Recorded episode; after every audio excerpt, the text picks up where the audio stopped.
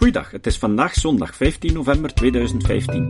Ik ben Jozef van Giel en dit is de 248ste aflevering van deze podcast. Vandaag horen jullie het tweede deel van Bart Koenen zijn levensloop. Ik laat hem direct verder praten. Iets eerder was er nog iets anders gebeurd in mijn persoonlijk leven. Um, in 2005 hebben wij een dochter gekregen met Down-syndroom. Um, dus er waren enorm veel beslommeringen. Zij had een, een uh, heel ernstige hartafwijking. Zij moest geopereerd worden. Dus dat, nam ons in beslag. Ik vluchtte daar toen wel een beetje voor weg, moet ik zeggen. Um, maar de operatie, kijk, ik heb goed nieuws. De operaties zijn goed gegaan. Um, die dochter groeide op. Maar was echt een heel vervelende kleuterpeuter. Die deed alles kapot. Um, die zette. En ik, ik, ik, zat dus toen nog in dat extreem schuldgevoel rond alles, rond mijn eigen ecologische voetafdruk. Dus de kraan openzetten is voor mij horror, of was voor mij horror. En dat kind, dat deed dat dus gewoon. Hè. De kraan open, warm, um, naar het toilet, tien keer doortrekken. Um, ja, iedereen die een kind heeft gehad, weet, kleuters doen dat, maar een kind met Down blijft dat gewoon doen. Heel zijn leven lang. Ah ja, nu, het, is niet, het is niet meer de hele tijd op het toilet aan maar de kraan openzetten enzovoort. Dingen kapot maken, nog altijd. De paar dingen die ik probeerde te doen in mijn eigen tuin, lukte ook niet. Ik had dan in een, bak, probeerde ik dan zo vierkante meter uh, moestuin te doen. Maar dan kwam mevrouw langs met een stok en het lag allemaal overhoop. Dus dat ging ook al niet meer. Maar eigenlijk heeft uh, Marie, zo heet mijn dochter, mij iets geleerd. En dat is dat er nog iets anders in het leven... Want mijn, mijn leven werd gewoon volledig beheerst door ecologisch denken, maar dat er nog iets anders was. Ja, dat er gewoon leven is buiten dat leven als wereldverbeter dat ik eigenlijk aan het leren was. En dat is iets wat ik eigenlijk um, vrees dat de milieubeweging gemist heeft. Um, ik durf de milieubeweging te verwijten dat ze de mensen eigenlijk vooral als een probleem zien. Dus ik zag ook al mijn gedrag als een probleem. Ik zag het gedrag van andere mensen ook als een probleem. Alle gedrag, gedragingen van alle mensen zijn problematisch, want hebben een impact op het milieu en dat is negatief. Maar wat zij mij eigenlijk heeft toen inzien, en wat ik denk dat de milieubeweging vergeet, is dat mensen verlangens hebben en ambities en passies die voor iemand die milieubewust is, totaal niet als een um, valabele passie of ambitie worden gezien. Om, om, een extreem voorbeeld te geven, iemand die Formule 1-piloot wil worden, denk als je zegt van, vanuit ecologisch oogpunt, heel dat Formule 1-circus, laat het ons gewoon verbieden, want dat heeft ergens geen enkele zin. Maar er zijn mensen die echt die passie en die ambitie hebben om wereldkampioen te worden. En ik vrees ja, dus dat uh, de milieubeweging dat vergeten is. Ook mensen hebben soms ook um, bekommernissen, ze hebben zorgen. En die zorgen zijn niet altijd, hebben niet altijd iets met milieu te maken. Die zorgen kunnen ook iets te maken hebben met geldgebrek bijvoorbeeld. Mensen die niet genoeg geld hebben, die gaan zich echt niet afvragen welke ecologische impact hun, hun, groenten uh, hebben die ze, nu, die ze net gekocht hebben in de winkel. Ik was een aantal dingen op mijn werk beu. Ik was beu om de mensen de hele tijd met schuldgevoel op te zadelen. Ik was het ook beu dat ikzelf en collega's de hele tijd bedrijven aan het beschuldigen waren van dat zij van alles niet goed deden. Dat gaat zelfs zo ver. Ecover, dat was eigenlijk een beetje de held. Dat is een, als het gaat over, over um, cosmetica en wasmiddelenproducenten. Maar op een bepaald moment dat beschuldigen heeft zich ook tegen Ecover gekeerd. Een van de meest moeilijke dingen voor Ecover om op te lossen, dat heeft te maken met, ik ga niet in detail, in technisch detail, want ik ken het ook niet, dat heeft te maken met de productie van uh, enzymen. En daarvoor hebben zij, als ik me niet vergis, palmolie nodig. En zij zoeken daar een milieuvriendelijke oplossing voor. Um, nu hadden ze dat gevonden in de vorm van een genetisch gemodificeerde bacterie, dus je hoort mij al komen, die dat product of dat enzym kon produceren op een veel milieuvriendelijker manier dan dat ze ervoor. Maar Friends of the Earth heeft zich daar in Engeland zo hard tegen gekeerd dat Ecover, en dat is het laatste wat ik van dat verhaal weet, die plannen heeft moeten opbergen. Dus door de hele tijd bedrijven te beschuldigen van allerlei dingen die ze fout doen, volgens mij komen daar geen stap mee verder. Want er wordt ook altijd het perfecte geëist van die bedrijven.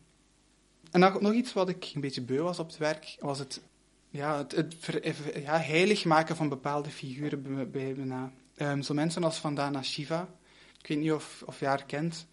Mensen als Michael Pollan, um, dat is een, een guru rond food uit Amerika. Of um, hier dichter bij ons, uh, Olivier de Schutter, die kon op een bepaald moment ook niks fout zeggen. En als ik dan zei, ja maar, uh, beste collega, maar Vandana Shiva, die heeft toch wel een aantal gebreken. Zij zit eigenlijk bij, bij een nogal extreme partij gelinkt daar in India, um, die, die op echt traditionele ja, levenswijze wil benadrukken en die dan eigenlijk op die manier die de vrouwenrechten niet bevorderen.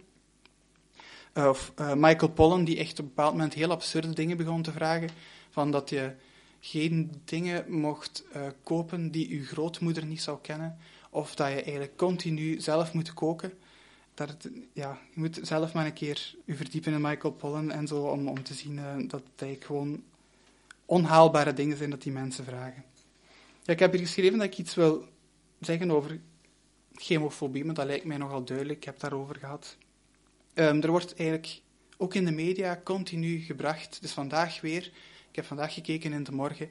Er is weer een probleem met parabenen, er is een probleem met rood vlees en er is een probleem met nog iets en ik ben het al vergeten. Want er, elke dag staat er in de kranten wel iets wat dat je niet mag eten of gebruiken of waar je kanker van krijgt en waarvan je doodgaat. Marleen Finoels, die hier binnenkort ook gaat komen spreken, heeft een, een mooi stuk daarover geschreven, vind ik. Um, zij is bekend van Body Talk, maar dat ging over het rood vlees. Um, rood vlees zou verantwoordelijk zijn voor 20% van de darmkankers. En er zijn ook al verschillende mensen die eigenlijk uh, die beslissing van de Wereldgezondheidsorganisatie eigenlijk uh, kaderen en een beetje ja, terug binnen proporties brengen. Ik heb vandaag ook gezien dat Michel Maus, waar ik een beetje wel naar uitkeek, naar wat hij ging doen. Dat is die man die een politieke partij met technocraten zou willen oprichten. Maar die heeft vandaag al gezegd van laten we rood vlees dan maar goed belasten. Want net zoals met de suikertax bezig zijn, moeten we eigenlijk de verschuiving van belasting van ja, arbeid naar consumptie doen. Wat de groenen altijd gezegd hebben. En we gaan dan ook maar echt al die, al die slechte dingen gaan belasten. En dan heb ik eigenlijk nog niet zo lang geleden rond die suikertax gezien, vooral het moment dat bleek dat ook niet suikerhoudende drank eronder gingen vallen, dat het eigenlijk voor politici wel interessant kan worden om bepaalde dingen ook te gaan demoniseren. Want hoe moest Maggie de Blok uitleggen dat niet-suikerhoudende frisdranken ook gingen belast worden? En dan had ze zoiets van, ah, maar er zijn zowel wat van die onderzoekjes die aspartaam ja, bestempelen als een extreem gevaarlijk iets. Heeft ze dat ook gewoon gezegd op de radio. En uh, Alexander de Croo heeft dat dan ook mooi bevestigd. Dat um, aspartaam toch ook wel slecht is. En dat het daarom goed is van die dingen te gaan belasten. Ja, ik volg nogal de Amerikaanse media. In Amerika is er heel wat te doen rond vaccinatie. En op een bepaald moment zag ik het, toen ik nog bij veld werkte, ook naar hierover waaien.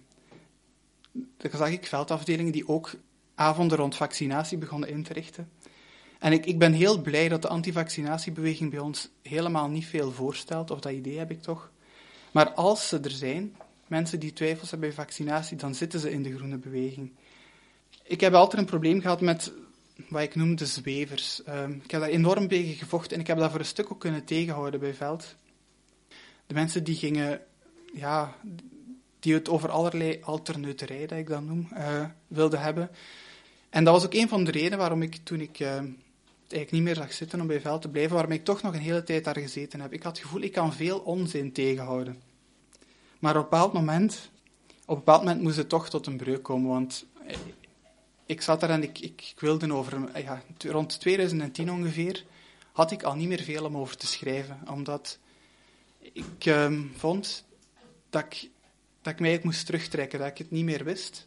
Ik, heb me dan ook, ik, zat, ik was ook actief in, in denktanks. Bij mijn Green Credentials ben ik dan nog vergeten te vermelden. Ik was um, actief in, in Oikos en in Terra Reversa. Maar rond 2010 heb ik me daaruit teruggetrokken. En ik heb een tijdje lang mee bezig gehouden met um, een ander onderwerp. Ik, ben dan, uh, ik heb met een aantal vrienden heb ik atheïsme-campagne opgericht. Maar dat hielp eigenlijk ook al niet. Want toen dat ik dan in heel het religieverhaal verdiepte, kwam er ik op uit ja, dat er daar heel veel wetenschap en kritisch denken en sceptisch denken aan bij te pas kwam. En dan, ja, een van de dingen is vooral het boek van Philip Blom, Het Verdorven Genootschap. Ik heb dat aan iemand uitgeleend en niet teruggekregen, daar heb ik spijt van. En daaruit heb ik gehaald dat de verlichtingsfilosofen, we denken dan altijd in de eerste plaats aan Rousseau en Voltaire, maar dat er eigenlijk een aantal veel interessantere verlichtingsfilosofen waren, vind ik nu. Dolbach, Diderot, Hume. En die mensen die zochten naar ja, een wetenschappelijke manier van kijken, die de maatschappij inrichten met reden en ratio. En ja, Rousseau wordt altijd opgehemeld als de verlichtingsfilosoof, maar voor mij is Rousseau nu degene die eigenlijk de milieubeweging op het verkeerde spoor heeft gezet met zijn romantische denken, uh, met zijn verheerlijking van het plattelandsleven. Misschien nog erger met Le Contrat Social, waar dat hij eigenlijk het individu ondergeschikt maakt aan de groep. En dat is iets wat volgens mij de groene beweging ook doet. Met hun uh, altijd benadrukken van collectivisme. Op dit moment een van de dingen waar groen zich op profileert, is het delen van dingen, het alles gemeenschappelijk doen, tuintjes enzovoort. Ik heb daar niet zoveel mee, met al dat delen. Ik ga vertellen wanneer dat het eigenlijk echt tot een breuk gekomen is. Um, en ik heb, ben daarmee begonnen, 2011, de aardappeloorlog. Ik heb um, geprobeerd intern om dat gesprek gaande te houden. Ik heb daar ook beloftes gekregen toen dat, dat op de raad van bestuur zou ter sprake komen en zo. Maar die beloftes zijn eigenlijk gewoon nooit waargemaakt. Dat was een manier om mij met een kluitje in het te sturen, in feite. Ik heb dan de gelegenheid gehad om Mark Linus, die zich ook ecomodernist noemt, uh, te interviewen. hij is iemand die had binnen de milieubeweging enorm veel credibiliteit, had ook een prijs gewonnen met zijn boek, um, wat ik daar heb vernoemd, uh, Zes graden. Hij was ook zelf milieuactivist en hij heeft zelf nog meegedaan uh, aan de vernieling van um, ehm, GGO-proefvelden in, in Engeland. En is ook een spijt op tand op dat vlak. Hij heeft daar een, een heel uitgebreide speech over gehouden, die um, zeker in de Anglo-Saxische wereld heel wat teweeggebracht heeft. Hij is naar, is naar België gekomen, ik had de kans om hem te interviewen. En ik, had dat, ik heb dat interview in Seizoenen gepubliceerd. Dat was een bom, omdat uh, Mark Linus durft biologische landbouw aanvallen, durft zeggen dat um, kernenergie noodzakelijk is. En um, dat, was echt, ja, dat werd mij echt niet in dank afgenomen dat ik dat gepubliceerd had. Maar een van de vragen die ik Mark gesteld had, was van... Ik werk in dat soort organisatie. Is het mogelijk om daar te blijven en om die van binnenuit te veranderen? En toen heeft hij mij gezegd, en dat was eigenlijk profetisch... I think you can try to make these points internally, but ultimately you get rejected and pushed out. NGOs are like churches in some ways, in that the ideology is bigger than the organization and certainly bigger than any of the people inside it. Daar ben ik op gebotst. Op eigenlijk een, een muur, en dat die ideologie... De directeur heeft, er ooit, heeft ooit op een bepaald moment tegen mij gezegd, want er werd dan soms geroepen in het landschapsbureau, dat was niet zo aangenaam. Maar um, zelfs als je gelijk hebt rond die GGO's, Bart, wij kunnen dat niet zeggen, want we zouden leden verliezen dan weet je dat het, dat het niet gaat lukken. Dat je die organisatie nooit op een ander spoor gaat krijgen. Want die ja, organisaties die zitten in zo'n drive, in zo'n... Ja, die willen aan zelfbehoud, die willen ledengroei. En zulke dingen kunnen die missen als kiespijn. Zeker mensen intern die echt zware vragen beginnen stellen. Zeker rond zo voor een organisatie als Veld iets fundamenteels als GGO's. Maar ik, had, ik heb lang de moed niet gehad om te vertrekken. Ik was hoofdredacteur van Seizoenen. Dat is een, een mooie titel, dat geeft u aanzien. Je hebt een vast loon, want ondertussen hadden wij twee kinderen. Later drie. Dat geeft zekerheid. En ook, ik was twintig jaar bezig met die groene beweging, dus al mijn vrienden waren groene. Ik zit in een, in een omgeving van progressieven, van allemaal mensen waar ik jarenlang had aan gepreekt van je moet minder vlees eten. Als wij op restaurant gingen, van waar komt die vis die jij eet? Um, dierenrechten, uh, ik, ik, ik heb heel veel mensen overtuigd van mijn gelijk in die periode. En dan ineens op dat moment ga ik zeggen, ja, ik ben toch van gedacht veranderd over een aantal dingen. Dus dat is heel moeilijk. En ik, ik ben ook vrienden verloren door te stoppen met veld, door mij te outen en door effectief ook naar buiten toe te communiceren. Want dat is wat ik nu doe. Ik heb een, uh, nieuwswebsite opgericht, backcover.be. En daar breng ik een heleboel ideeën waarvan ik vind, die al lang leefden in, in de Anglo-Saxische wereld, maar waarvan ik vind dat ook Nederlandstaligen die Engels niet machtig zijn, dat die ook recht hebben op die informatie. Ik heb in, rond, rond 2011, 2012 ook um, iets, zien, iets nieuws zien opborrelen. Um, ik had de website van de Breakthrough Institute ontdekt. Ik ben die mensen hun teksten beginnen lezen. Ik, ben eigenlijk, ik, ging, ik had eigenlijk het plan van veel voor te lezen uit die boeken hier, maar ik ben zo lang aan het babbelen dat dat niet gaat lukken. Ik haal ik heel veel ideeën uit die stapel boeken hier. En dan heb ik ook gemerkt dat het soms dat het terugkerend is. Dat mensen in de groene beweging, zoals mij, die, die beginnen twijfelen en kantelen, dat dat niet de eerste keer is dat dat gebeurt.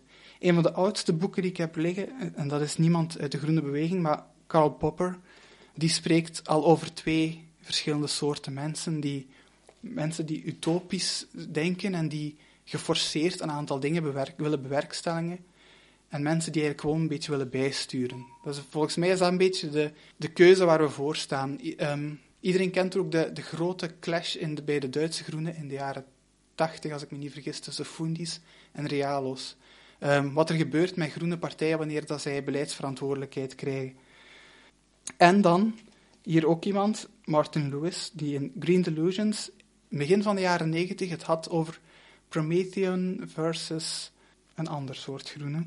En dat komt er eigenlijk ook op neer. Ik noem het nu, je hebt, er een, je hebt een clash tussen traditionele groenen en, je hebt een, en de ecomodernisten. De traditionele groenen die eigenlijk ja, een aantal dingen willen en die met een zeer negatief verhaal komen, die er ook niet bovenuit komen, die voorstellen doen waarvan de meeste mensen zoiets hebben van dit gaat niet werken, want dit wil ik eigenlijk zelf niet in mijn eigen leven. Ik vlieg graag uh, als ik op vakantie ga. Ik wil mijn stukje vlees blijven eten enzovoort. Dus ik zag dat er in de Engels-Saxische wereld een aantal mensen aan het opstaan waren. En ik heb dat niet alleen opgemerkt. Um, er was een blogger, Keith Clore, die heeft op een bepaald moment gezegd, er zijn modernist greens aan het opstaan. En, en ook die Fred Pierce, die ik al genoemd heb, die milieujournalist, die had het ook over een nieuw soort groene. Op een bepaald moment, natuurlijk, de, de Breakthrough Institute was al langer bezig met dat soort denken. Dat zijn mensen die in 2004 hun eigen clash hebben gehad. Dus om, ik denk om, om de tien jaar ongeveer heb je wel zo'n groep van mensen die opstaat en zegt, het moet hier anders. Maar dus die, die ondertussen oude rotten van het Breakthrough Institute, die hebben het vastgepakt. En die hebben nu, wat er nieuw is, is dat er nu sociale media zijn. We hebben nu Facebook en Twitter. En je staat niet meer alleen. Want in het begin, toen ik mijn twijfels had, dacht ik echt van, ik ben hier de enige die zo denkt. Ook omdat heel, heel mijn omgeving, heel mijn leven was zo ingericht op mensen die ongeveer hetzelfde dachten als ik. Maar op Twitter vond ik die andere mensen. Ik ben die beginnen volgen en dat zijn ook, nu blijkt ook dat als dat ecomodernistisch manifest geschreven is, dan heel veel boel van die mensen dat ondertekend hebben. Dus die hebben elkaar gevonden. En wat ik wilde doen met hun naar België te halen, uh, eind september, was uh, meehelpen om, om dat gedachtegoed ook in Europa ingang te laten vinden. En het, het werkt. In, in, um, in Finland is er een groep die zichzelf de Finse ecomodernisten noemen. In Zwitserland zijn er mensen. Ik heb uh, contacten in Nederland. In Duitsland is er ook een groep met uh, die... Wat ik, ik noem het... Ja, ecomodernisme is een beetje slecht ge, gekozen, vind ik. Um, Stuart Brand, dat is echt een oude rot uit de groene, beweging. Die heeft um, de eerste aardedag mogelijk gemaakt. Die zit ook achter de eerste foto van de aarde. Dat is een ongelooflijk interessante mens. Ik heb die in de zomer kunnen spreken. Um, die heeft eigenlijk al drie, vier groene, groene levens achter de rug. Hij heeft in zijn eigen bekering in 2009 gehad. Dat boek zit hier ook tussen. Die man heeft zelfs in, in hippie-communes gezeten in de jaren 60. Dus die heeft allemaal wel een beetje gezien. En um, hij, heeft, hij, verkiest ook liever het woord eco-pragmatist, omdat eco-modernist, ja, je kan daarmee het moderne, ik, ik vind het goed dat te verwijst naar het moderne en een beetje het optimisme dat we kwijt zijn van de jaren 60. Maar je stelt je ook bloot aan kritiek, omdat um, dat wordt gemakkelijk dan afgedaan als vooruitgangsoptimisme. En het gaat eigenlijk eerder over een pragmatische kant. Dat is compromissen willen sluiten. Dat is kijken naar wat, hoe de wereld in realiteit draait, wat de mensen echt doen, wat de mensen echt willen. Een voorbeeld dat er werd gegeven is, um, en wat ook misbegrepen is nu weer, uh, toen dat de ecomodernisten hun die, die koppelingsdossier uh, voorstelden, was dat er veel mensen naar de steden trekken, ook in het zuiden. Dat weten we, dat is een gegeven. De mensen trekken naar de stad. Dan werd er gezegd, de ecomodernisten willen de mensen naar de stad duwen. Nee, de, de ecomodernisten willen niemand ergens toe dwingen. We willen gewoon van het gegeven gebruik maken, dat mensen naar de stad trekken, en daarvan gebruik maken om te zeggen, kijk, er komt dan ook ruimte voor natuur op andere plaatsen. En we weten uit onderzoek dat gespaarde natuur het meeste biodiversiteit bewaart. Dus dat is, dat is iets goeds. En voor mij is, is wat, dat wat ecomodernisme doet, en dat is voor mij het, nieuwe verhaal, want hoe ik het ook draai of keer, ik zal altijd ergens groen blijven. Ik blijf. Ik ben niet meer geobsedeerd door wat ik doe. Ik zit niet meer. Ja, een Duitser heeft pas een, een boek geschreven. Je zult niet ademen. Dat is ook een, een soort van kritiek op, op datzelfde ecologisme waar ik kritiek op heb. Ehm, wanneer het heel ver gaat, dan word je zelfs bewust van het feit dat je CO2 uitademt. En word je, dan denk je dat je zelf te veel bent op deze planeet. Daar ben ik volledig van verlost. ja, dat klinkt veel zwaar, maar ik, als je ecologisch denken heel consequent doordenkt, dan kom je daartoe. Ik ben nu eigenlijk wel een optimist en in die zin heb ik mezelf beetje teruggevonden van, toen ik, van voordat ik er allemaal mee begonnen ben. Ik ben op mijn negentiende naar Jong Agelef gelopen en dan is eigenlijk beginnen fout gaan, want daarvoor was ik een optimistisch iemand die toekomst zag en ik ben altijd een fan geweest van science fiction enzovoort en ik zal dat altijd blijven en ik zie gewoon mogelijkheden nu met de wereld en dat is misschien iets waar ik best mee besluit.